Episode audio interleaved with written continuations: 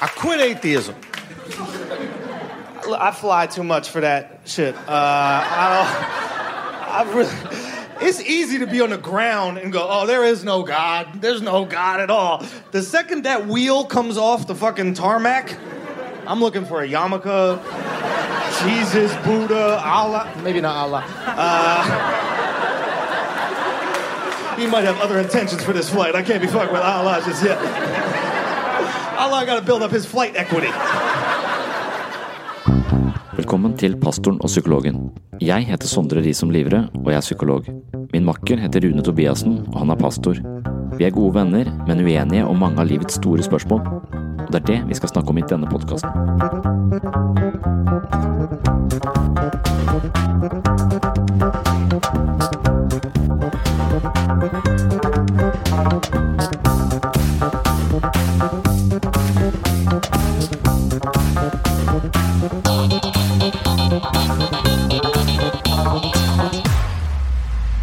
Dette er fortsettelsen av samtalen vi hadde i forrige episode. Da diskuterte vi hvorvidt eh, Bibelens fortellinger skal betraktes som myter eller beskrivelser av faktiske forhold. Denne gangen stiller jeg spørsmålstegn ved den delen av eh, religionsforsvaret som argumenterer for at Jesus sto opp fra de døde basert på vitnesobservasjoner. Som psykolog stoler jeg ikke på vitnesobservasjoner. I parterapi hører jeg to medlemmer av samme familie beskrive én situasjon på vidt forskjellige måter. Sannheten er subjektiv, og vi konstruerer hele tiden våre egne varianter av sannheten. Derfor synes jeg det er vanskelig å legge lit til argumenter som legitimerer Jesus' oppstandelse basert på hvor mange mennesker som påstod at de så ham etter hans død. Jeg ønsker ikke å være diskriminerende overfor mennesker som levde for 2000 år siden, men jeg våger likevel å påstå at de manglet en del kunnskap og hadde mindre kompetanse på kritisk tenkning. Jeg er til dels enig med standup-komikeren Eric Griffin på dette området, men han sier det på en mye morsommere måte enn meg. I mean, like we're, you know what it is? We're just really stupid. We're, we're dumb. As human beings, we're dumb. I mean, when we come out the womb, we're dumb. We can't do shit for like 12, 13 years. We literally can't do anything. Antelope come out of the womb like this. Come on, bitch, there's lions.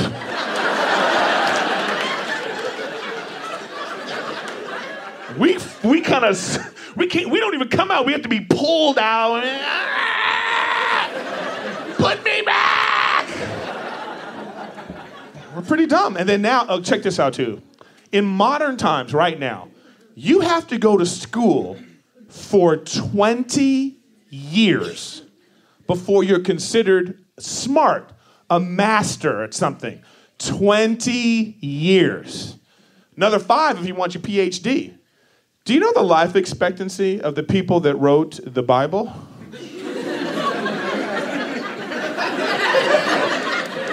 Like 30 ish. How smart could they be? I moderne psykologi har man forstått at menneskets hukommelse er en skrøpelig anordning. Det er lett å huske feil, og det er tusenvis av faktorer som kan påvirke vår hukommelse og gjengivelse av en gitt situasjon. Vitnesobservasjoner er sjelden et godt grunnlag for å dømme i en rettssak, simpelthen fordi hukommelsen vår er dårlig og stadig under påvirkning. Jeg har selv snakket om dette under en påstand om at mennesket har to hoder. Et filosofisk og psykologisk trent sinnelag vet at ethvert nervesystem fabrikkerer sin egen modell av virkeligheten. Dagens fysikkstudenter vet også at ethvert vitenskapelig eksperiment på tilsvarende vis fabrikkerer sin egen modell av virkeligheten. Det betyr også at logikken som skriver seg fra Aristoteles og baserer seg på en sann-falsk dikotomi, bør være utrangert i moderne psykologi.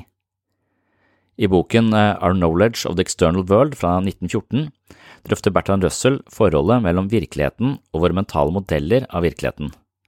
Den eh, avantgarde filosofen eh, Robert Anton Wilson låner Russells argument i boken Quantum Psychology.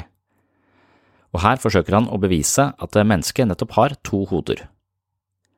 Jeg vil kort gjengi Wilson sin begrunnelse, som er både selvfølgelig og oppsiktsvekkende på samme tid. De fleste mennesker er innforstått med at vi lever i en objektiv virkelighet, eller at den objektive virkeligheten eksisterer utenfor oss eller omslutter oss. Den ytre virkeligheten blir tilgjengelig for oss blant annet via øynene. Ved hjelp av synet overføres energisignaler eller bilder av verden til hjernen som fortolker bildene og lager mentale representasjoner. Hjernen er en dirigent som setter sammen den innkomne informasjonen om den ytre virkeligheten til en indre modell av verden. Det betyr at vi lever i en ytre virkelighet som vi lager bilder eller modeller av i vår indre opplevelsesverden. Dermed kan man si at vi egentlig aldri har en direkte erkjennelse av den ytre virkeligheten. Det vi kjenner, er de mentale modellene av den ytre virkeligheten som er konstruert inne i vårt eget hode. Det vi ser, som vi alminneligvis tror og mener eksisterer utenfor oss selv, eksisterer egentlig internt, altså inni hodet. Alt vi tenker og vet noe om, baserer seg på erfaringer med egenkomponerte mentale modeller, noe som leder enkelte filosofer til å tvile på at verden overhodet eksisterer.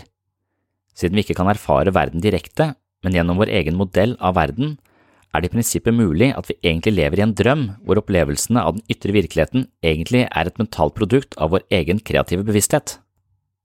I ekstremtilfeller kalles denne posisjonen for solipsisme, og den er ikke spesielt populær i vitenskapsteoretisk sammenheng. Solipsisme kommer fra latin sol, som betyr alene, og ipsis, som betyr selv. Dette er rett og slett en ganske merkverdig filosofisk posisjon som hevder at psyken er det eneste som eksisterer, og følgelig at verden og andre mennesker kun er et resultat av psykens egenkomponerte mentale forestillinger. Når verden ikke eksisterer og andre mennesker er et eh, spillfekteri for min egen bevissthet, blir det vanskelig å forholde seg til noe som helst. Dermed unngår vi en eh, solipsistisk konklusjon ved å anta at den ytre virkeligheten eksisterer. Det vi imidlertid kan utlede fra dette, er at vi ikke kan se eller erkjenne denne virkeligheten direkte. Vi ser en modell av den i vårt eget hode. Til daglig glemmer de fleste av oss at vi fortrinnsvis opplever vår egen modell av virkeligheten, hvorpå vi oppfører oss som om eh, den indre modellen eksisterer utenfor oss selv. Faktum er at eh, virkeligheten er ekstern og modellen er intern, og de to versjonene av virkeligheten okkuperer hvert sitt område. På bakgrunn av dette konkluderer Wilson med at mennesket har to hoder. Det er et fysisk hode som holder til i virkeligheten, og en modell av dette hodet som holder til i bevisstheten. Når vi står foran speilet for å pynte på hodet og gi det en sosialt akseptabel fasade, hender det at vi opplever modellen som flott og tiltrekkende, mens andre ganger opplever vi modellen som lite attraktiv og frastøtende. Det betyr ikke nødvendigvis at hodet i den virkelige verden har endret utseende, men at modellen i vårt eget hode forkludres av følelser og psykologiske stemninger i vårt indre landskap. Men hva er egentlig forholdet mellom eh, vår egen modell av virkeligheten og den egentlige virkeligheten? Nettopp det er det intrikate spørsmålet som har hjemsøkt Vestens filosofi gjennom uminnelige tider. Dersom vi kommer til en dyp erkjennelse av at eh, vår opplevelse av virkeligheten, andres opplevelse av den samme virkeligheten og virkeligheten i seg selv, dersom den eksisterer, kan være svært forskjellig, har vi vunnet et viktig psykologisk verktøy. Det betyr at vi ikke nødvendigvis kommer til å stole på alle våre emosjonelt ladede fortolkninger av oss selv og vår plass i livet. Med bakgrunn i denne typen psykologiske overveielser har jeg vanskeligheter for å tro på det forfatterne av Bibelen beskriver. Selv om de hadde vært øyevitner til Jesus sin oppstandelse, så hadde jeg vært mistenksom. Skribentene i Bibelen gjengir stort sett ting som skjedde for flere tiår siden, og da rekonstruerer de hendelser på bakgrunn av informasjon som må betraktes som svært spekulativ. Kanskje beskriver de en del ting som er i overensstemmelse med en virkelighet som eksisterte for 2000 år siden, men sannsynligheten for at historiene har modifisert seg dramatisk før de føres i pennen av en evangelist, slik vi kjenner psykologien i fiskehistorier, er meget stor slik jeg ser det. Innenfor psykologi kaller man dette for bias, forutinntatthet eller motivert tenkning. Det betyr at det vi oppfatter er styrt av en underliggende motivasjon vi ikke er klar over. De første studiene som ble gjort på dette feltet, som gjerne kalles for kognisjonspsykologi, ble foretatt under fotballkamper. Man ba tilskuerne bedømme dommerens avgjørelser, hvilke lag som fortjente å vinne, hvorvidt kampen utspilte seg på en rettferdig måte og under rettferdige premisser, osv. Ikke uventa svarte tilskuerne konsekvent til fordel for sitt eget lag. Det betyr at ingen egentlig hadde en objektiv syn på kampen, men oppfattet det som skjedde helt forskjellig ut ifra sin posisjon som fotballsupporter. Hjernen vår fordreier også vitenskapelige fakta slik at de passer inn med våre verdier eller politiske holdninger. Vi tenker kanskje at våre politiske holdninger er noe vi har etablert etter nøye overveielse av det politiske landskapet, men det er bare en liten del av det som bestemmer hva vi krysser av ved valgurene. Vi liker å tro at eh, det er eh, vår kunnskap og gode argumenter som bestemmer hvor vi setter vårt kryss, men det er det altså ikke. Nylig viste en studie fra Aarhus universitet at menn med stor fysisk styrke tenderer til å være motstandere av likhet i samfunnet. Desto sterkere de er, desto mindre tilbøyelige er de til å kjempe for eller se verdien av likhet. Det betyr at sterke menn statistisk sett er mer tilbøyelige til å være økonomiske liberalister. Andre studier viser at mennesker som stemmer på venstresiden, er litt mer intelligente enn de som stemmer på høyresiden. Dette er bare noen få personfaktorer som påvirker hvordan vi bedømmer verden rundt oss. Jeg påstår at det er mange grunner til å betvile folks gjengivelse av både fotballkamper og gjennomstandelser, men Rune Leif Egil Reve er uenige. Når jeg drøfter denne tematikken i kristne kretser, møter jeg alltid et helt bestemt forsvar. Miraklene i Bibelen er eh, godt dokumentert og belagt med mange uavhengige vitnesobservasjoner. Det mest kjente eksempelet er påstanden om at 500 eh, mennesker møtte Jesus etter han hadde stått opp fra de døde. Deretter innrømmer religionsforsvarerne at eh, enkeltmennesker muligens kan ta feil, eller oppleve ting motivert av et sterkt ønske om at det er sant, men dette fenomenet forekommer ikke på gruppenivå. Det finnes ikke gruppehallusinasjoner, påstår de. Det mener jeg også er feil. I dagens episode utfordrer jeg Rune og Leif Egil med noen konkrete eksempler. 13. oktober 1917 i Fatima i Portugal så 50 000 mennesker et kosmisk mirakel hvor sola plutselig begynner å snurre, faller ned på jorda og utstråler ubeskrivelig vakre farger, og hele seansen ble assosiert til jomfru Maria. 25. mars 1984 i Betania i Venezuela så 108 mennesker jomfru Maria. Først åpenbarte hun seg for barna, og deretter for de voksne ved en messe litt senere på dagen. Det er så utrolig mange eksempler på mennesker som har utført mirakler. Miraklene er sjelden noe de gjør uten et publikum. Shirdi Sai Baba fra India er et godt eksempel. Han har blant annet stoppet en epidemi med kolera, gjort vann om til olje, stoppet regnet og økt vannmengden i en brønn. Han levde fra 1838 til 1918, og det er en masse mennesker som kan bekrefte denne mannens mirakuløse fremferd. Mange muslimer tror også at Mohammed utførte mirakler en masse. I enkelte muslimske kretser påstår de at Mohammed delte månen i to. Det fortelles om en episode hvor fienden kom på døra til Mohammed, og han løste problemet ved å gjøre dem blinde. Mohammed slukket visstnok tørsten til tusenvis av soldater med ren magi. Han fikk to trær til å flytte på seg på hans kommando, han kunne forstå dyrenes språk, han hadde ingen skygge, han kunne høre de døde snakke fra gravene, han kunne kurere sykdommer og gi de blinde syn tilbake bare ved å røre ved dem, og han fløy på en hest med vinger fra Mekka til Jerusalem. Mitt poeng er at det finnes eh, massevis av mirakler som en hel haug av øyevitner har sett eh, og kan bekrefte, men eh, det er ikke sånn at kristne tror på alle disse miraklene men de har sine egne mirakler de tror på, og det er akkurat dette jeg prøver å utfordre i dagens episode. Så i denne episoden skal vi også se at det er flere overbevisende argumenter for å tro på Gud, men mye av den kristne troen står og faller på Jesus' oppstandelse. Man mener å ha godt belegg for at Jesus var en historisk skikkelse som sto opp fra de døde, men skeptikerne i meg har fremdeles en sterk stemme. Jeg ble født på slutten av 70-tallet og hørte om Uri Geller som leste tanker og bøyde skjeer.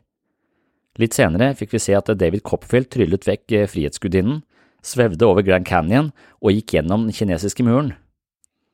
Illusjonistene gjorde inntrykk på meg, samtidig som de var med på å etablere en eh, skeptisk grunntone. I Frikirken påstår de at det var annerledes med Jesus. Han gjorde vann om til vin, helbredet syke, og det var mange som så han etter oppstandelsen. Det var mange som så at Copperfield gikk gjennom den kinesiske muren også, men det var likevel et triks. Jeg har hørt om yoger som kan senke sin egen hjertefrekvens, men det er riktignok dårlig dokumentert. Imidlertid er det mulig å redusere sin egen puls i armen ved å legge en ball i armhulen og presse slik at sirkulasjonen ut i armen avtar. Dette blir brukt som et triks for å spille død, ettersom det er vanlig å lete etter livstegn ved å sjekke pulsen ved håndleddet. Jeg sier ikke at Jesus var en illusjonist, men jeg klarer heller ikke helt å fri meg fra den tanken. I tillegg lever jeg i en tid hvor den amerikanske presidenten lyver hele tida. Dersom Trump sier noe sant eller noe med substans, så er det ved et uhell. Poenget er altså at eh, jeg lever i en tid hvor mine kritiske sanser er på alarmberedskap. Det siste argumentet vi skal drøfte i denne episoden, handler om at kristne styrker sin tro på Jesus' oppstandelse fordi øyevitner sverger på at de hadde sett Jesus. Her er det ikke bare det at de har sett ham, men at de hardnakket hevder dette til tross for at det kunne være farlig. Myndighetene på Jesus sin tid var ikke begeistra for misjoneringa, og man kunne risikere dødsstraff for påstander om at han hadde stått opp fra de døde. Hvorfor vil noen påstå noe som eventuelt ikke er sant, når de vet at de risikerer å dø for det? Dette blir brukt som et vektig argument for at Jesus faktisk sto opp fra de døde. At folk er villige til å gå i døden for denne påstanden, er altså et tegn på at den er sann. Jeg vil imidlertid innvende at historien er full av folk som er villige til å dø for en sak. Dette har vi sett hundrevis av ganger. Man kan nevne Jim Jones og Folkets tempel, hvor 900 mennesker døde 18. november 1978 ved å drikke gift. Charles Manson var en amerikansk kultleder og massemorder. Han ble dømt og sonet for at han og hans såkalte familie i løpet av et par dager drepte flere mennesker på bestialsk vis i Los Angeles i 1969. Manson drepte ingen selv, men ble dømt for medvirkning. Marshall Applewhite var leder for en sekt som påsto at det fantes en slags himmel eller et slags himmelrike på en annen planet. Det endte med at 39 mennesker døde i massesuicid i 1997. Tanken var at de i fellesskap skulle ta sitt eget liv idet en komet som het Hale Bob suste forbi i verdensrommet. Hvis man døde på riktig tidspunkt, ble man overført til denne planeten og fikk et fantastisk liv langt ute i kosmos. En vanvittig idé, men folk er villige til å dø for de merkeligste ting. Uansett hvor lite evidens det er som legitimerer de vanvittige dødshandlingene. Man kan også nevne Mohammed Atta, som var piloten som fløy inn i World Trade Center 11. september 2001.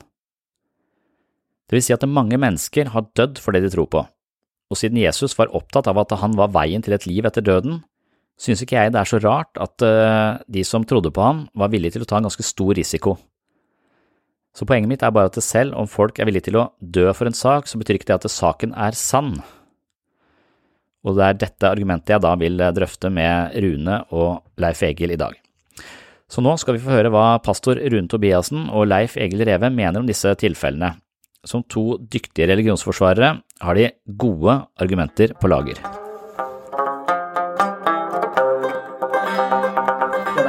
Ja, og, og, og, der, og, der, og da kom jeg til det neste på en måte sånn, uh, tingen jeg var interessert i. For, for, det er også det argumentet jeg møter mest, er at ja, det var 500 mennesker som så han. Altså at, hvor gode okay, grunner har dere til å tro på de miraklene? For dere kan si at ja, men så lenge Gud fins, så kan jeg tro på et hvilket som helst mirakel. Mm. Men dere tror bare på et utvalg av mirakler. Er veldig mange mm. mirakler dere ikke tror mm. på.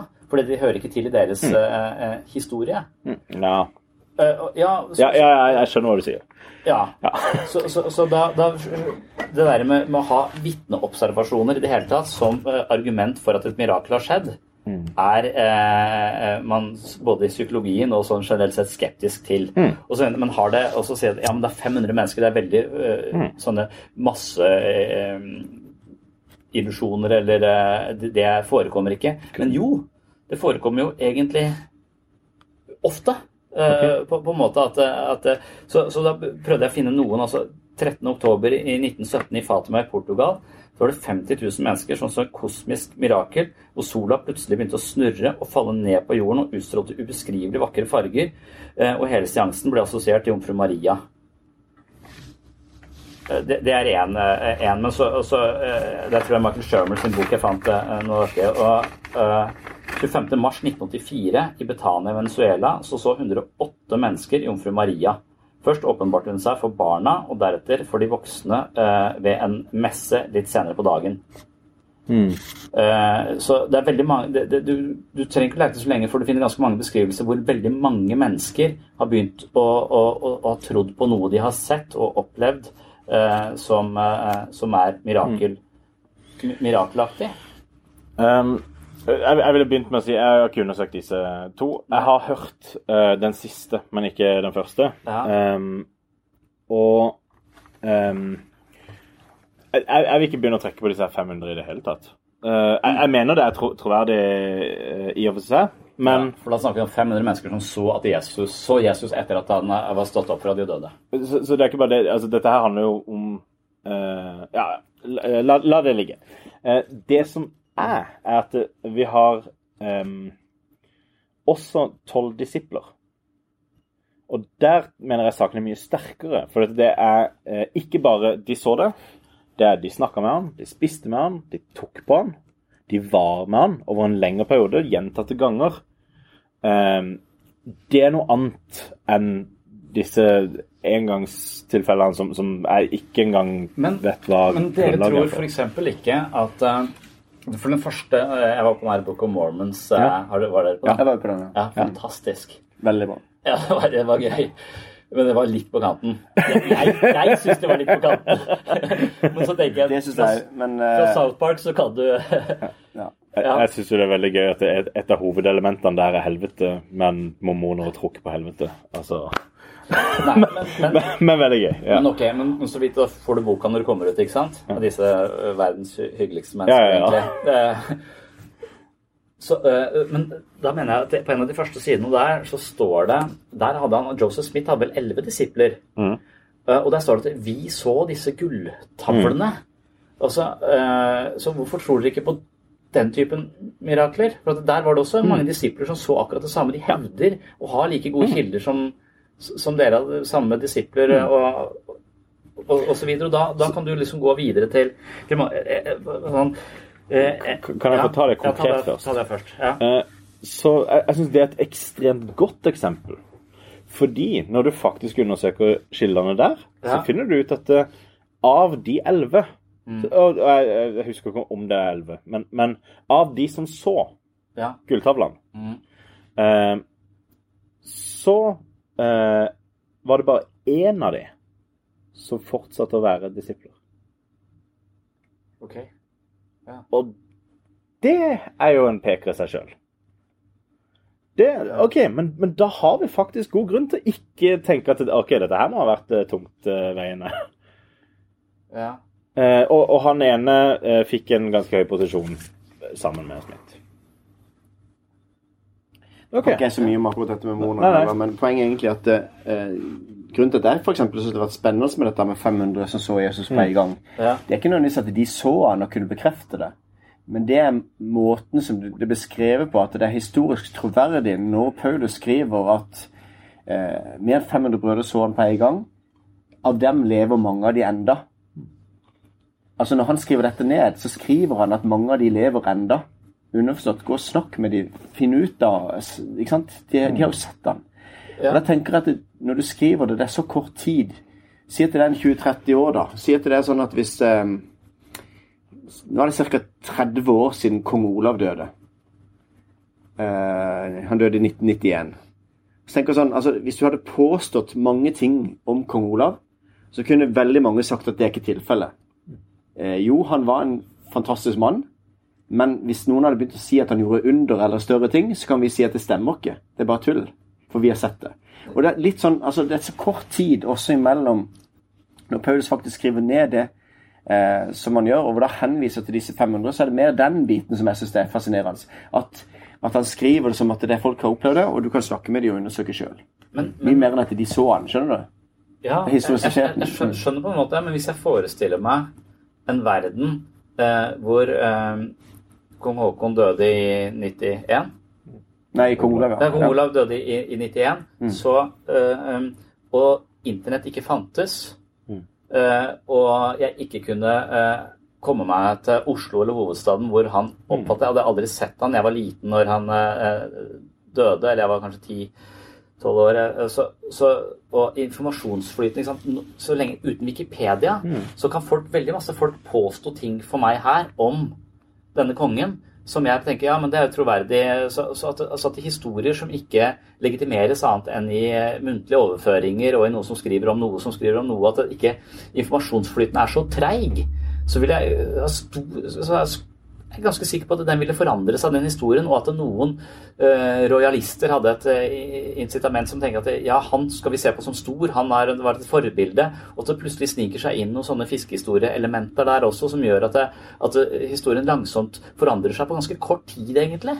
Ja, men, men da snakker vi bare om utfordringer med historie generelt. Altså Historien vil jo være personlig preget av uansett hvem som skriver den. ikke sant? Og Derfor kan det godt være et incitament eller et eller annet, de har et ønske om at det skal fremstå osv. Men poenget er at det, da blir det så, lite, det er så vanskelig å snakke om disse tingene. Hvis vi tror på at vi, skal, at vi kan ta tilegne oss kunnskap fra historiske kilder, så må vi se hva som er de mest sannsynlige kildene, hva som er mest overbevisende kilder. ikke sant? Og kan gå, gå de etter i sømmene. Derfor er det litt kult at du har gått etter i sømmene noen av disse historiene om, om um, disse mytene, og så ser at det er ikke, det ikke hold i det. De skriver også etter um, Jesus levde men uh, handler om en tid før Jesus levde. Og så på en måte blir det som at det skal være tatt til inntekt for at det, her var det Jesus som ble prega av det, men det kan like godt være motsatt. Det, det på mange måter. gir mye mening om det er motsatt. Ja.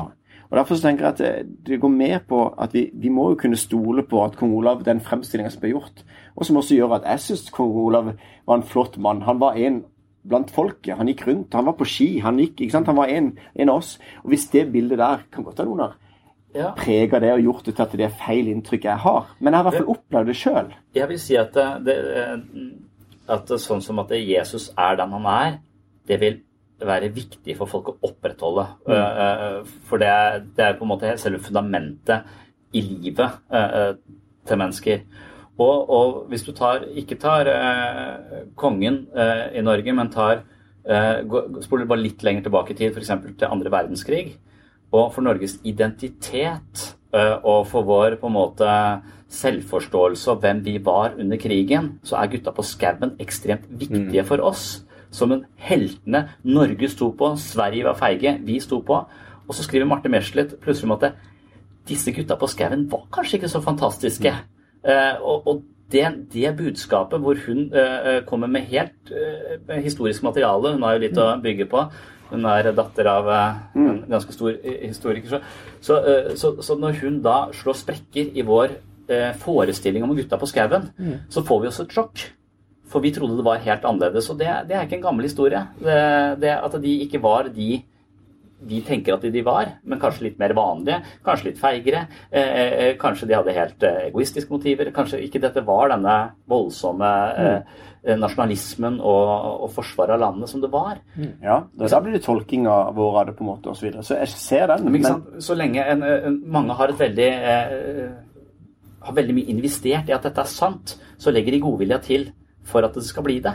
Og det er der jeg eh, tenker at, eh, at den typen vitneobservasjoner ikke for, for, for... hvis du tenker da, tilbake til den historien igjen, da tenker jeg at det er så mange ting som jeg ville Hvis jeg skulle fremstille Jesus på en best mulig måte, eller fremstille eh, grunnleggerne av den, av den kristne, altså kristendommen, med disiplene spesielt. Jeg tenker at Hvis man skulle på en måte prøve å gjøre de større, og at folk flest skulle på en måte få et inntrykk av at dette her var Så ville jeg utelatt veldig mye i Bibelen. Jeg ville ikke skrevet som det var. Altså det er så, Hvis du går inn og så leser, så syns jeg det er så troverdig fordi at det er det er så ekte. De forteller om feilene, de forteller om de tingene som ikke skulle være skrevet om. Paulus som, som eller fordi det er legendarisk også. Nei, det kan du godt si. Jo, men, men uh, hvis målet mitt er sånn som med Gutta på skauen mm. uh, Gjøre de til en idyll, så er ikke det du gjør, er å si Å uh, jo, men hans nærmeste eh, venner, de svikta han, liksom.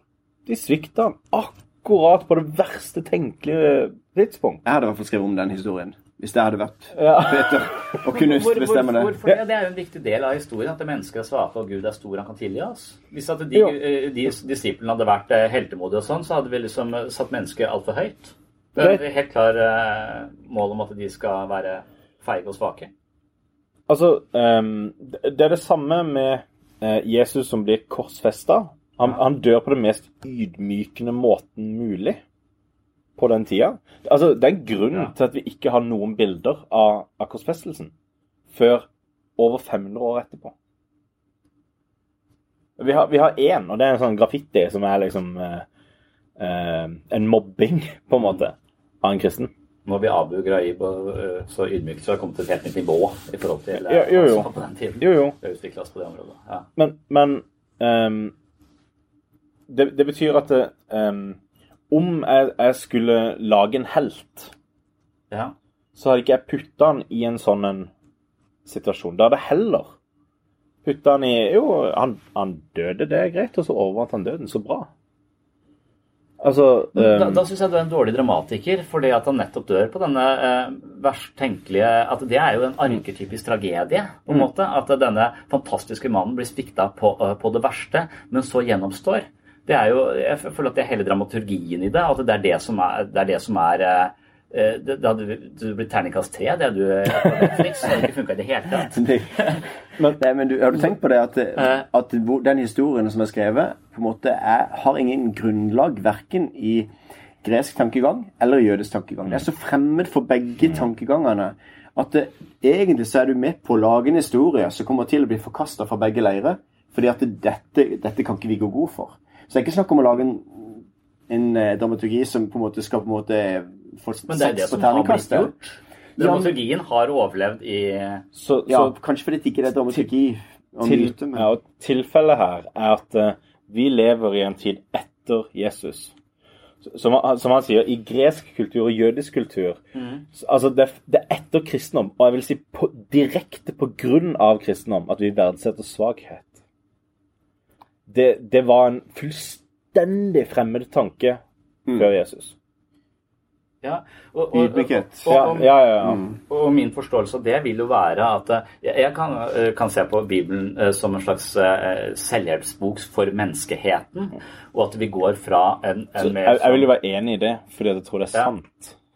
Ja, ja men, jeg, jeg, jeg tror, men jeg, jeg tror at dette er akkurat som Dette er eventyret om hvordan mennesket gikk fra å være meg og mitt og, og, og bare eh, kjempe mot hverandre, til å få eh, en større mentaliseringsevne, evne til å innta flere perspektiver, forstå at hvis jeg ofrer noe av mitt for gruppas eh, eh, beste, og hvis jeg er snill mot deg, så er du snill mot meg, så vi får en helt annen evne til å overleve hvis vi slutter å slå hverandre i hjel, og at, at vi kommer til en slags, eh, et nytt nivå av eh, av bevissthet i uh, vår rase.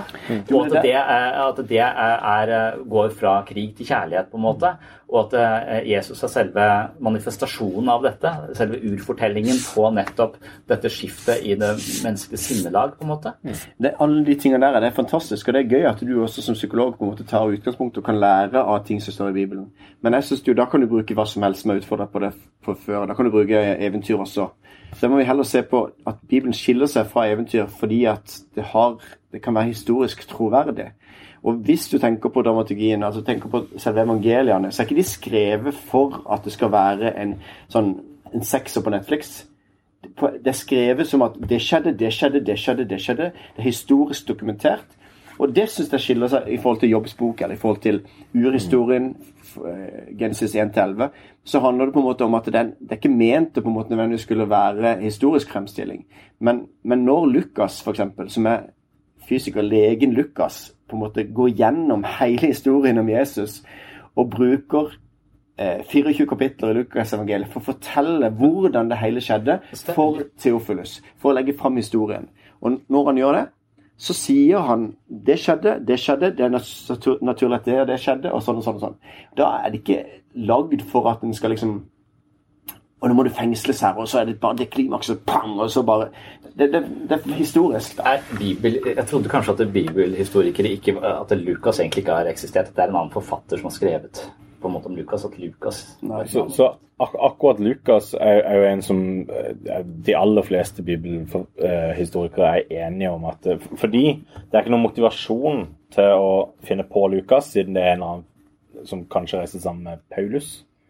Altså en, en kompanjong, bare. Em, og også det at vi har to tekster. altså Det, det vi er helt sikre på, er at det finnes én forfatter. Den ene forfatteren den har skrevet både Lukas og Apostelens gjerninger. Eh, og er sjøl en del av Apostlenes gjerninger, på en måte. Eh, Ja, det, det um, vil jeg også si. Men, men eh, det er noen som er uenig i det, helt greit. Men, men eh, altså, om du er så skeptisk som overhodet mulig og sier ja, jeg tror ikke jeg, jeg tror ingenting, med mindre jeg får det bevist. Men, men det, som, som er den holdninga folk har når de trekker i tvil forfatteren av evangeliet. Det, det er den eneste grunnen til å trekke det i tvil. Vi har null grunner til å tro at det ikke stemmer, fordi hver eneste gang eh, disse blir referert til med navn, så er det referert med de fire navnene. Vi har ingen alternativer. Um, det er um, Grunnen til å trekke det i tvil er Jo, men, men det står ikke i teksten 'Hei, jeg heter Matteus. Jeg skriver dette evangeliet nå fordi' Og hadde det stått der, så hadde de ikke trodd det likevel. Altså, det, for det, det er, Poenget her er ikke om navnet er nevnt i, i evangeliet eller ikke. Hadde det vært det, så, så, um, så hadde det vært én ting. Men, men dette handler om en grunnleggende skeptisisme. Fordi det står i Bibelen, er vi mye mer skeptisk enn vi noen gang kommer til å være til Josefus og Tacitus og Setonius og alle disse her eh, Romerske og jødiske Ja, ja, ja.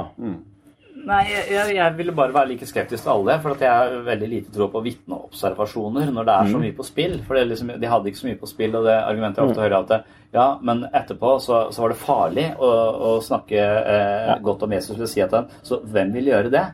Altså, historien er full av folk som ø, ø, ø, står på sin og beholder sin tro og går i døden for det. Fordi de tror det er sant. Ja, ikke sant? Charles Manson uh, hadde en hel haug av folk som uh, tok livet av noen. Han derre Marshall. Apple, eh, Applewhite, 39 mennesker døde. fordi de trodde at det å komme seg opp i Ja. den kometen Hale-Pop var veien, Men, veien men de, de trodde det var sant. Ja.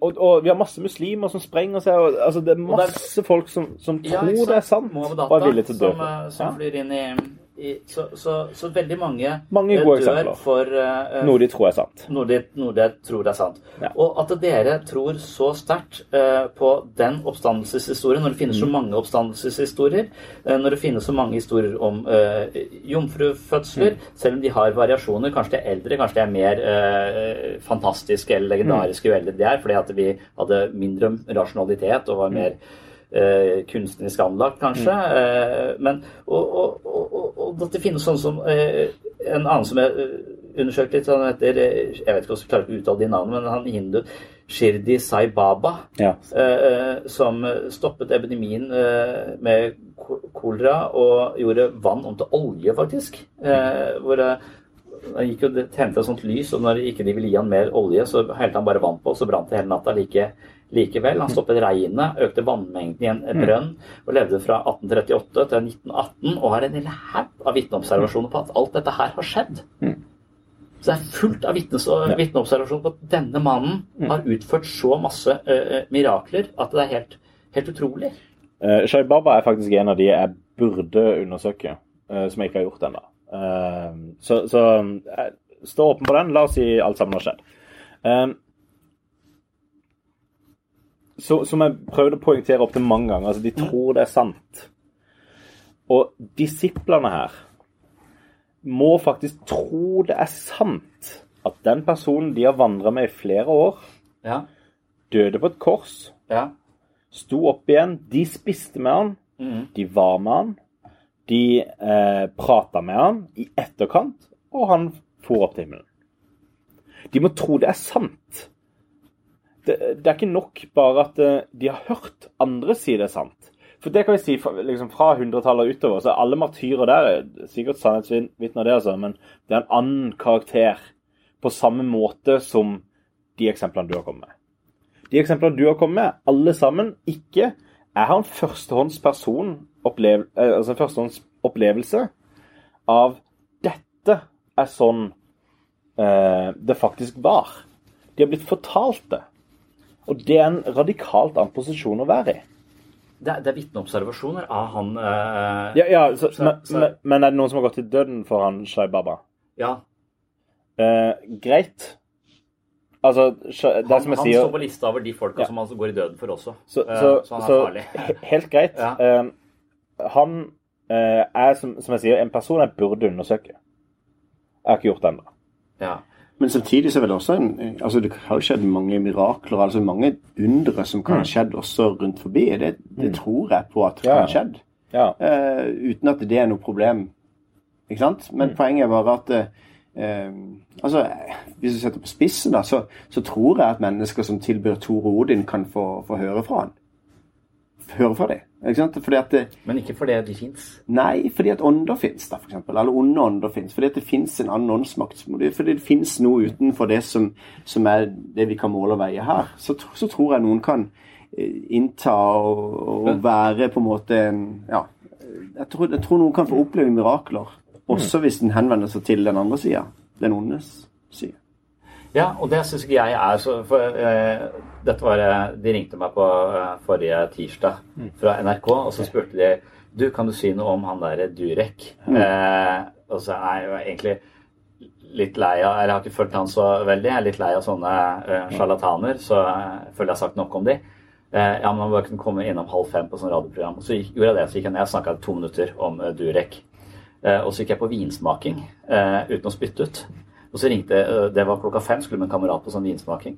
Så etter da nesten en flaske med vin, så ringte de fra NRK en gang til. Og spurte om kan vi komme direktesending på nyhetene på TV og snakke om Durek. Og da syns jeg det var så koselig. så det, det kan jeg glatt gjøre. så da gikk jeg ned. Gjorde du det? Ja, jeg gjorde det. For jeg tror ikke det er så mange som har skjønt at jeg, eh, at jeg hadde promille. Eh, Men, og jeg mener vel jeg ville sagt det samme, samme som jeg alltid at det, Durek helbreder folk. Det samme gjør Märtha. Det samme gjør han der eh, fyren ute i Høvåg. Eh, men det er ikke det, Han gjør det på samme Det gjør også Darren Brown. Eh, han, uh, dette, Vi har snakket om det mira, uh, mirakelshowet hans, hvor han, han snakket med Sam Harrison dette at ja, jeg drev jo dette showet, og så tenkte jeg at nå tar jeg folk opp på scenen, og så gir jeg dem sånn troshelbredelse. Sant? For han har sett hva de gjør, han forstår mekanismene, han er en sånn der mentalist. ikke sant? Så han altså, jeg tar de opp, de får masse adrenalin, de kommer til å få smertestillende pga. alt det adrenalinet, så de kommer, ikke, de kommer til å føle seg bedre der og da. og Det er vel den effekten jeg kan håpe på. Men så har det en varig effekt på veldig mange. Eh, og, og, når du da, sånn, da får masse sånne mail etterpå at ja, du trodde du bare lurte meg, men jeg er fortsatt frisk, av eh, mer eller mindre tilsynelatende uhelbredelige sykdommer, men ikke så uhelbredelig at noen fikk et bein som ikke var der. Altså, det vokser ikke ut bein, men det er tilstander som du uansett på en måte kreft eller hva, hva du kan, kan potensielt sett bli, eh, bli frisk fra. Og spørsmålet hva er det som foregår? Er dette onde krefter, eller er dette rett og slett bare en slags innsikt i at det syke og soma er veldig tett forbundet? Så eh, at mange av de Absolutt. menneskene Det ser vi jo bare med placeboeffekt og alt Ja, ja. Så det er jo Ja, selvfølgelig. det er det, det, er Men er det, nødvendigvis Går det an å tenke at vi ikke nødvendigvis trenger å lukke det og si at det kun er psykosomatisk? Mm. Altså Det handler også om at det kan være en dimensjon som er åpen for at kan skje. Fordi at jeg har et Men større hvorfor trenger du den dimensjonen når den, når den allerede lar seg forklare av at det, altså det han tenker, Vi kaster folk ut av sykdomsnarrativet sitt. De begynner å se helt annerledes på ting, og det vil påvirke hele. Mm. Det, er det, det er det psykologen driver med. De menneskene jeg sitter og møter, de har vondt her, de har vondt der, de er redd for det, og de unngår det, og de forklarer det godt og godt. De har en narrativ om livet sitt som gjør at det, livet deres fungerer ikke optimalt. Langt ifra optimalt. Fordi de har en historie de forteller. Og den historien er ofte full av somatikk. Men etter hvert som vi klarer å skape en ny narrativ uh, som er uh, hvor de mestrer mer, hvor de får til det de tør mer, så forsvinner også, også smertene. Så vi gjør det samme som Durek, vi gjør det samme som han sjamanen uh, i, i Høvåg. Og, og det kan, altså tro kan da flytte fjell, på en måte. Det, det, det er ganske tydelig. Eh, og at det har Skikkelig bibelsk. ja, men det har, ja, men det har veldig kraft, men det er ikke magisk eller overnaturlig. Men, men det er greit. Så vi er helt enige her. Ja. Helt enige. Forklar oppstandelsen på den måten. Ja. Der, der trenger vi noe mer for å forklare det. Enig? Psykosomatisk. Ja, ja det, det, det, Du kan ikke si jo, jo, men, men altså, han, han bare døde her, og så, Ja. så bare Så, så vi er enige.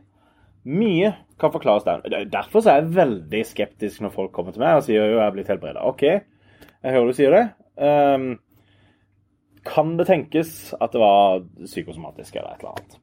Ja. Uh, det, Nei, det tenker jeg. Det er Problemet mitt der er jo at eh, jeg, jeg har eh, jeg har sett David Copperfield Ja. mange ganger. Han Ja, fikk Frihetsgudinnen til å forsvinne. Han gikk gjennom den kinesiske muren. Mm. Uh, Så, vi, uh, så det å lure et menneske er ikke veldig eh, vanskelig. Vi har masse sånne eh, mentale fallgruver som vi Mm. går i, og biaser som vi eh, på en måte, så, så vi ser ikke verden sånn som den er Mm. heller. Vi fortolker den hele tiden ut ifra det vi et Men synes, slags ønske blir det ikke litt rart Og- å begynne å tenke at, det, at Jesus blir som en sånn David Copperfield som skulle prøve å Ja, Eller men- men- blir det ikke litt sånn men det Var det tanken?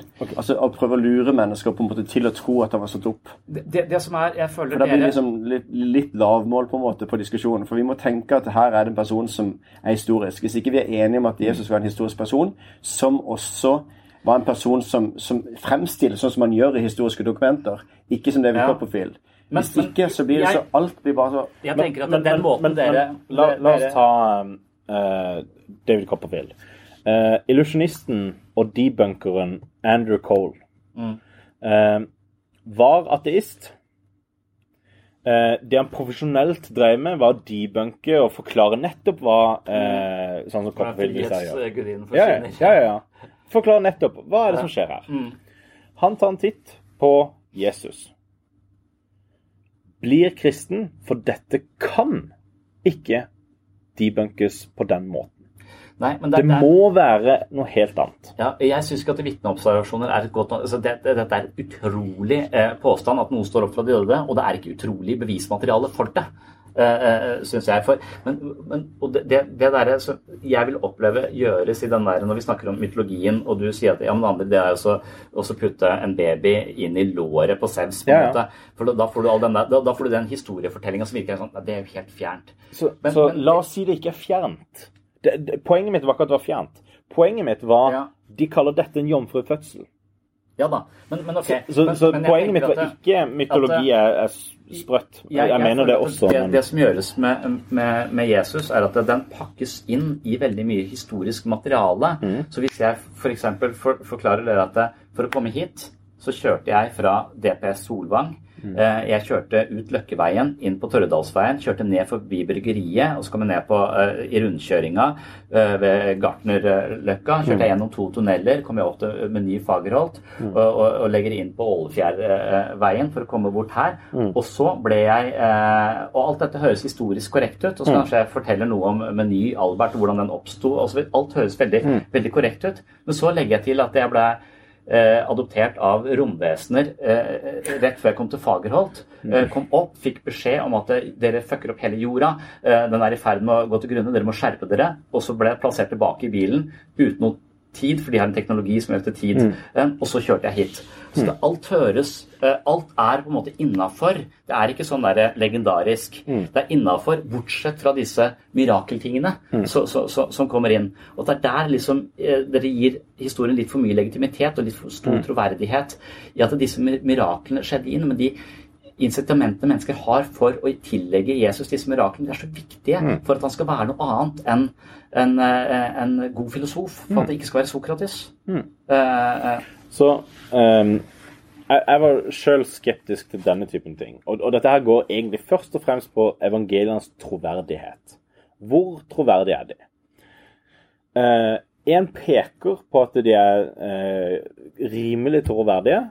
Det er at um, de reflekterer Altså, vi har fire forskjellige historier som reflekterer um, en, en historie gjenfortalt, sånn som øyenvitner ville fortalt. Ikke i form av at de har en hel haug av kontradiksjoner, men i form av at de har en hel haug av forskjellig informasjon som utfyller hverandre. Eh, For eksempel, rett før Jesus mater 5000, så hører vi um, i Markusevangeliet mange kom og gikk, derfor så gikk, måtte de trekke opp i høyden. Helt uproblematisk på alle måter. Um, Så leser vi Johannesevangeliet. Eh, ikke mange kom og gikk, men påska var nær. Derfor måtte de trekke opp i høyden. Så da har du to eh, forklaringer på samme fenomenet som utfyller hverandre på en god måte, uten at det samtidig er sånn at eh, Johannes på en måte skriver 'Jeg trenger å forklare dette her'. Altså, mange kom og gikk fordi påska var nær. Hvorfor går man fordi påska er nær, egentlig? Høyere opp i fjellet? Eh, Så eh, Fordi påska er nær, så betyr det at Jeg det er også å reise Ja, ja, ja. i påsken, Ja. men jeg, tror det, Så- jeg mistenker at det er andre årsaker. Så, så, for, det er pga. Kvikk Lunsj og skitrekk. så fordi påska var nær, så var det mye trafikk her. Ok. Eh, og da, da går vi til eh, Josefus, og så finner vi ut at nettopp i påsketider Det er nesten som om han, har designa denne her påstanden. I, i eh, påsketider så er det veldig mye trafikk her, fordi at folk skal fra en av byene som jeg ikke husker, til Jerusalem. Ja. Og, eh, og når vi går til Lukas evangeliet, så finner vi ut at dette her var utenfor Betzaida. Så derfor så vet vi at det er akkurat her er det mye trafikk. Derfor så blir jeg litt sliten. Så Han trekker bare opp i høyden. Det er bare for å det er akkurat som at jeg kom to minutter for seint fordi at det var, Ja, ja, ja. eh, sto en bil utenfor eh, som ikke kom inn på, Ja. på Meny. Så det er så, så du forteller den en historien. grunn til å betvile det jeg sier der. Nettopp. Så, så enig, dette her er bare ting som bekrefter hverandre, som, som øker troverdigheten til akkurat det elementet. Mm. Så viser det seg at denne typen eh, sammenhenger finner vi flust av. Vi finner de overalt. Vi finner de i, mirakel, i mirakelhistorier, utenfor mirakelhistorier. Etter oppstandelsen, før oppstandelsen. Eh, I påskefortellinga, utenfor påskefortellinga. Vi har ingenting som peker mot at noe her er mer eller mindre legendarisk enn an Altså, alle elementer gjenspeiler denne typen eh, vi nå Det hadde vært interessant en annen gang. Hvis vi nå eh, tok inn en muslim i, Ja. dette, i dette rommet, Uh, ville vi vært på lag da? For da ville jeg eh, prøvde å sjekke Mohammed også. Har Ja. han gjort mirakler? Og da fant jeg ut at eh, ja, det er millioner av mennesker som tror på uh, Mohammed. Ja. Eh, og han delte månen i to. Ja. Han gjorde fiender som kom på døra hans for å drepe han. Det gjorde han blinde.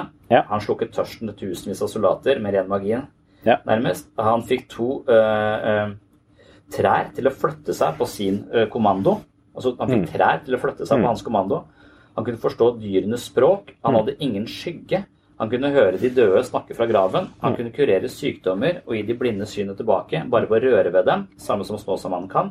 Og han eh, eh, fløy på en hest med vinger fra Mekka til Jerusalem og så opp til himmelen.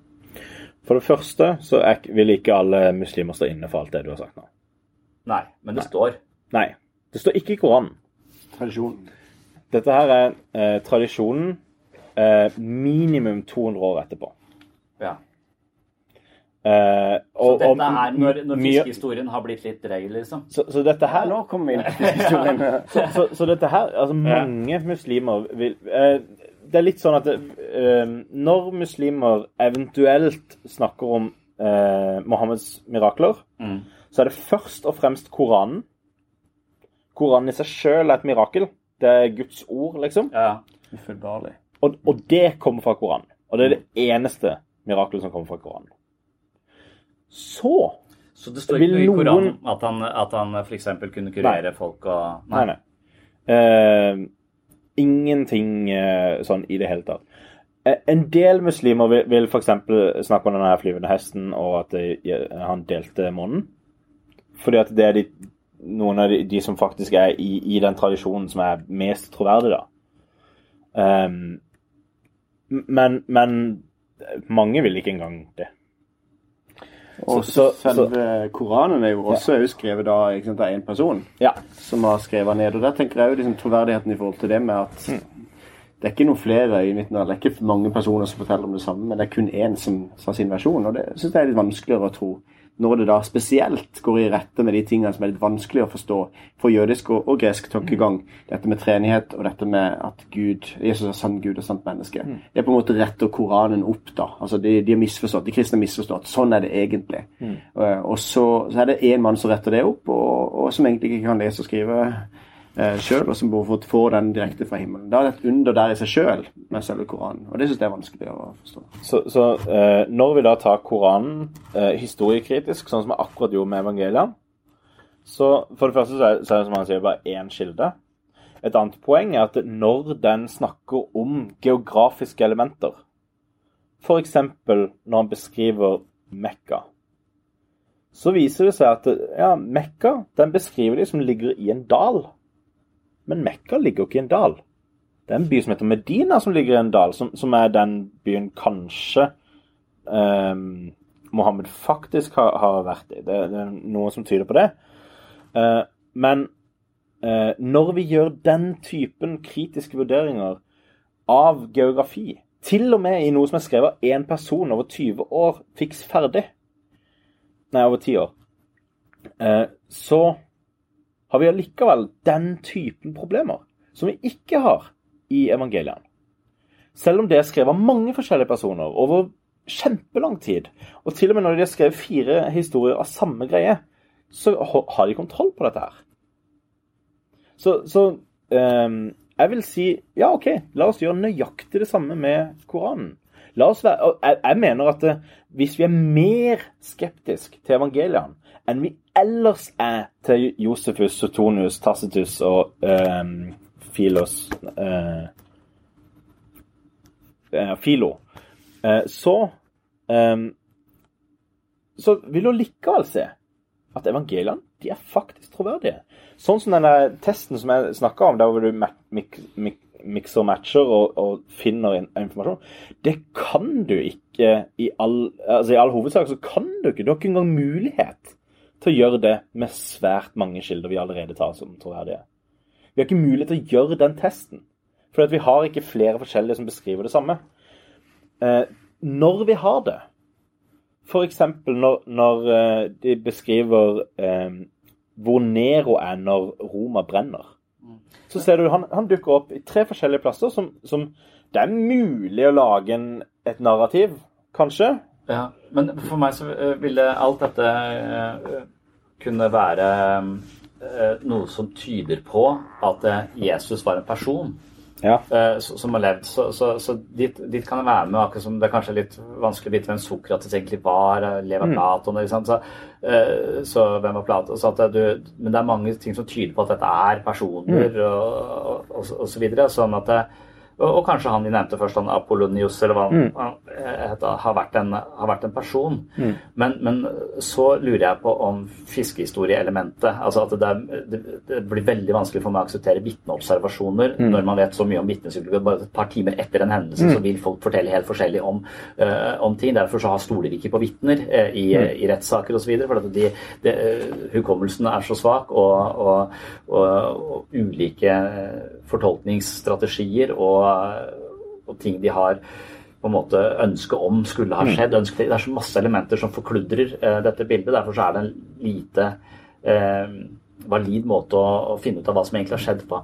Så, Altså- så der, der, dermed så, så, så vil jeg kunne uh, være tilbøyelig til å tenke ok, Jesus har vært en uh, person, han har vært en innflytelsesrik person, han har kanskje vært en veldig klok person, kanskje veldig elskverdig person, Uh, kanskje en person som virkelig har skjønt dette med at kjærlighet er større enn alt. Hvis jeg er vennlig og god mot mennesker, så vil det være en filosofi som er verdt å spre. Det er Hvis du går vekk litt fra Jesus, da, gå, gå inn på, på måte, kildene på Paulus, da, for eksempel.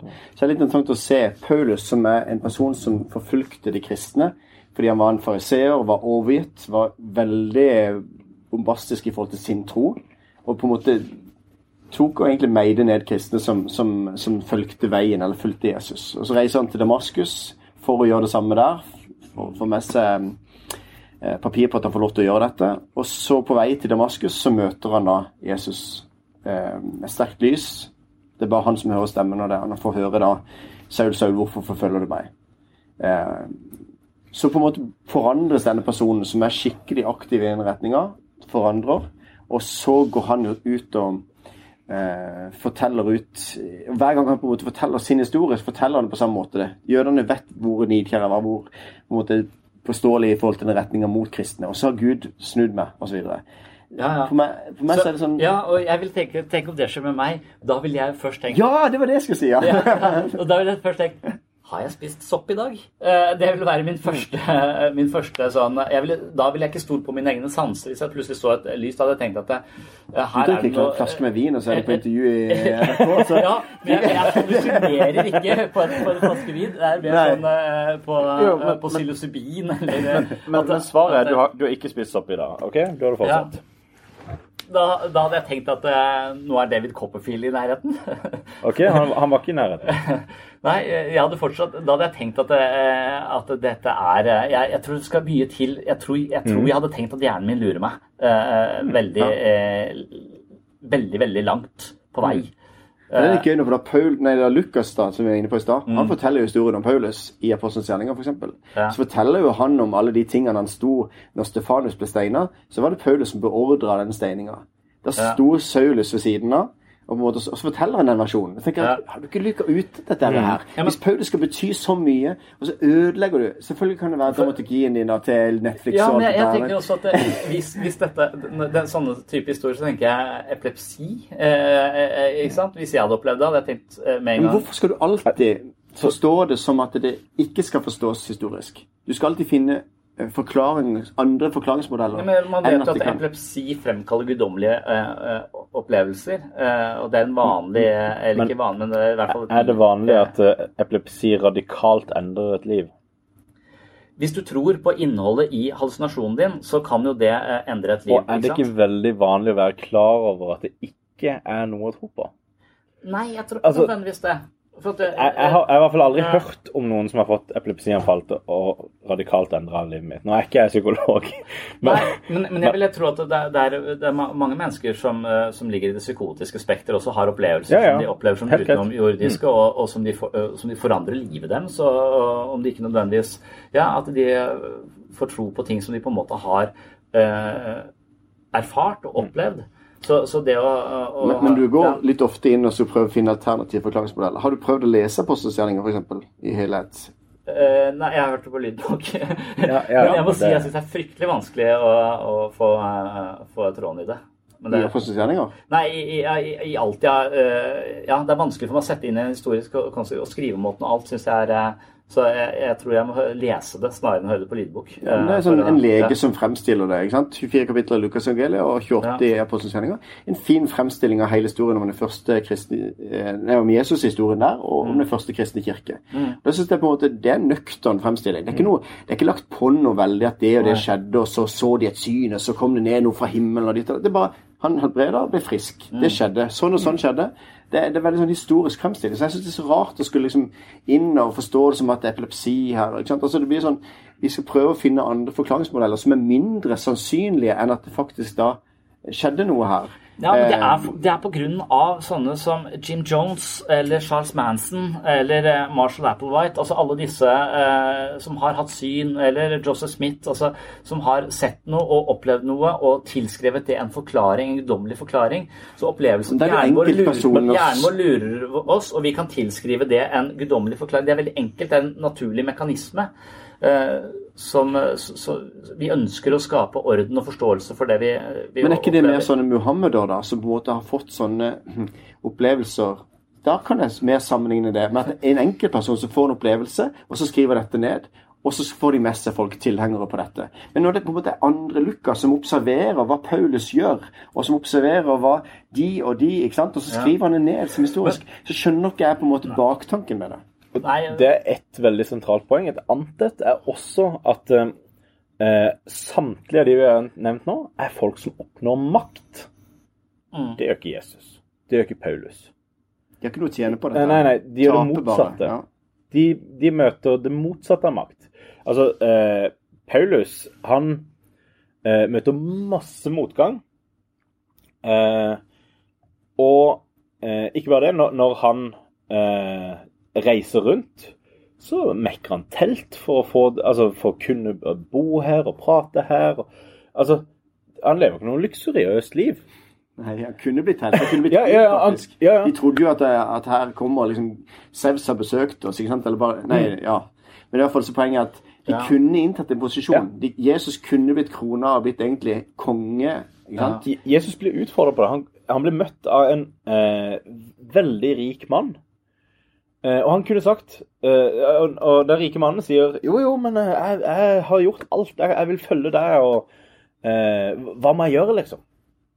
Og Jesus kunne sagt, som enhver sånn person som eh, hadde sett Altså, jeg er helt sikker på at Charles Manson, når han hadde møtt denne personen, så hadde han sagt Kom og bli med, med du, vennen min. Dette skal jeg ordne.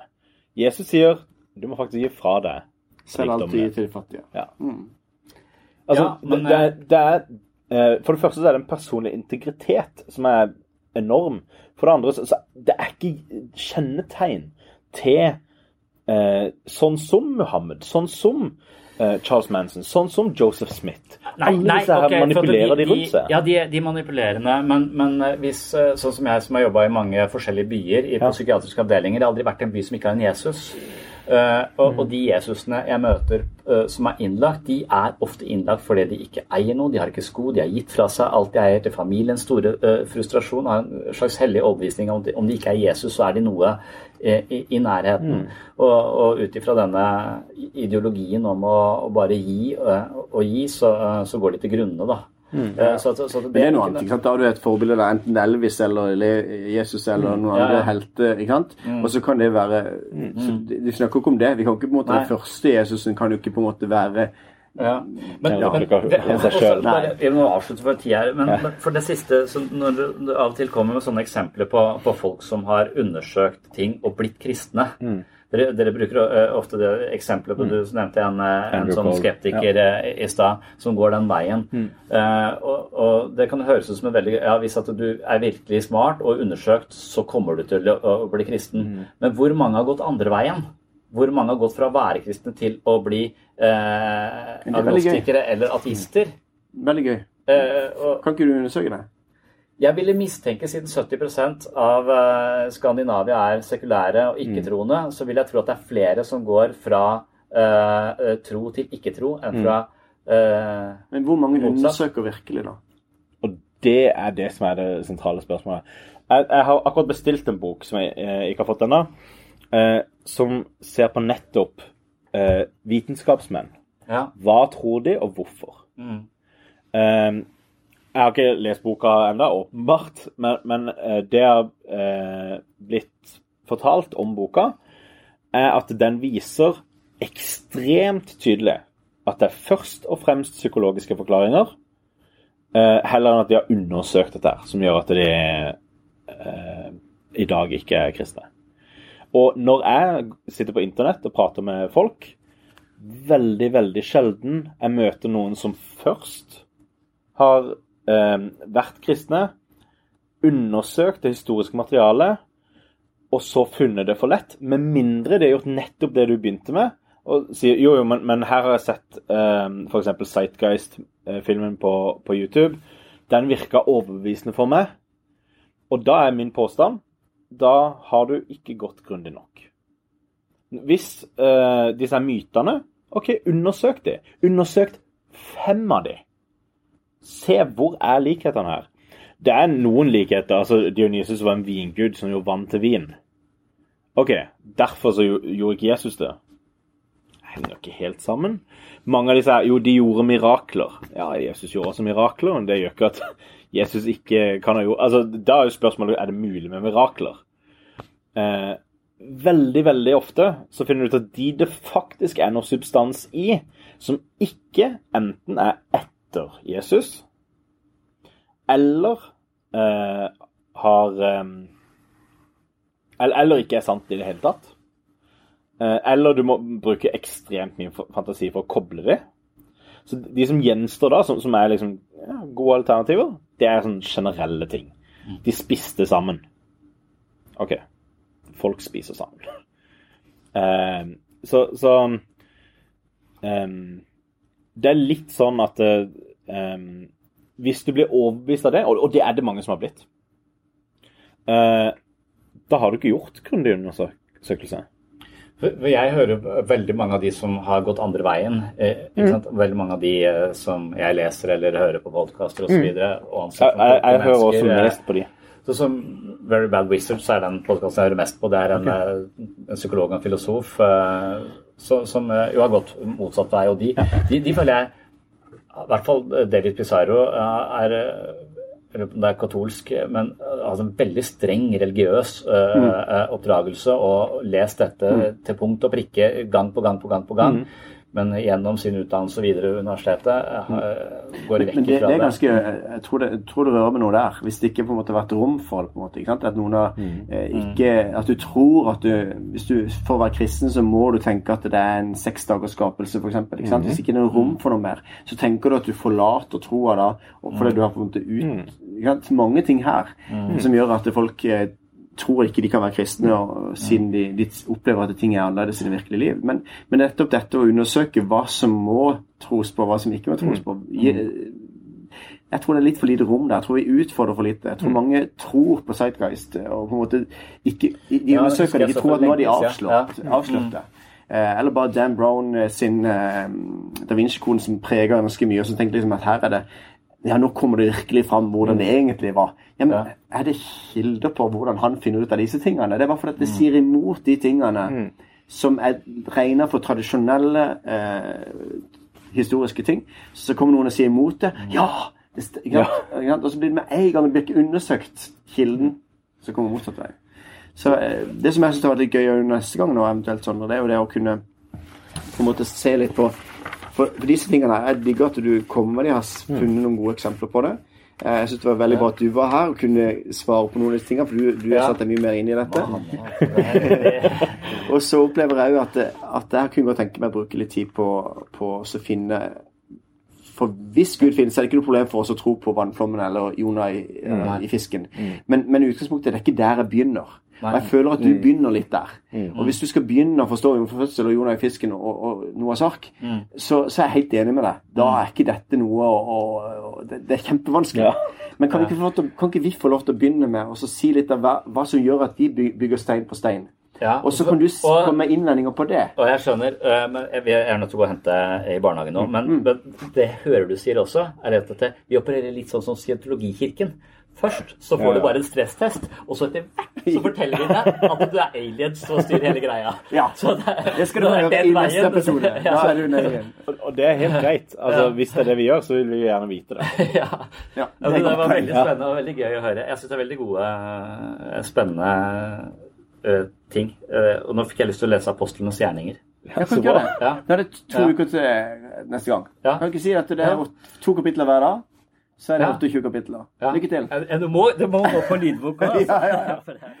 Give us a sign! He has given us a sign! He has brought us to this place!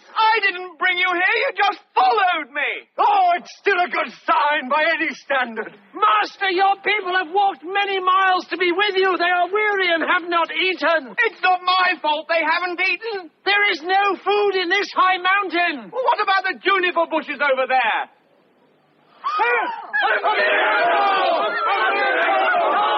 has made the bush fruitful by his word. They brought forth juniper berries. Of course they brought forth juniper berries. They're juniper bushes. What do you expect? Show us another miracle. Do not tempt him, shallow ones. Is not the miracle of the juniper bushes enough? Takk for at du hører på Pastoren og psykologen. Og som du hørte her, så har vi planer for eh, de neste episodene. Takk til eh, Leif Egil Reve, som har vært med oss nå flere ganger, og forhåpentligvis så tror jeg han eh, kommer til å være med oss neste gang også. Det setter vi stor pris på. Takk til alle dere som har gitt podkasten tilbakemeldinger i, iTunes. Takk til alle dere som har nevnt eller anbefalt podkasten til venner og bekjente. Og det var det vi hadde for denne gang, men du er som vanlig hjertelig velkommen tilbake i neste episode. På gjenhør. but it has done things to your soul. Your soul. Nothing. Nothing whatever.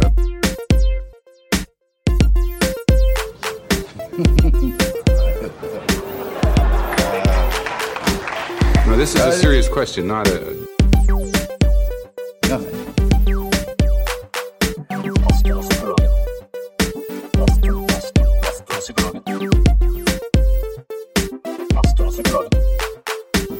ありがとうございます。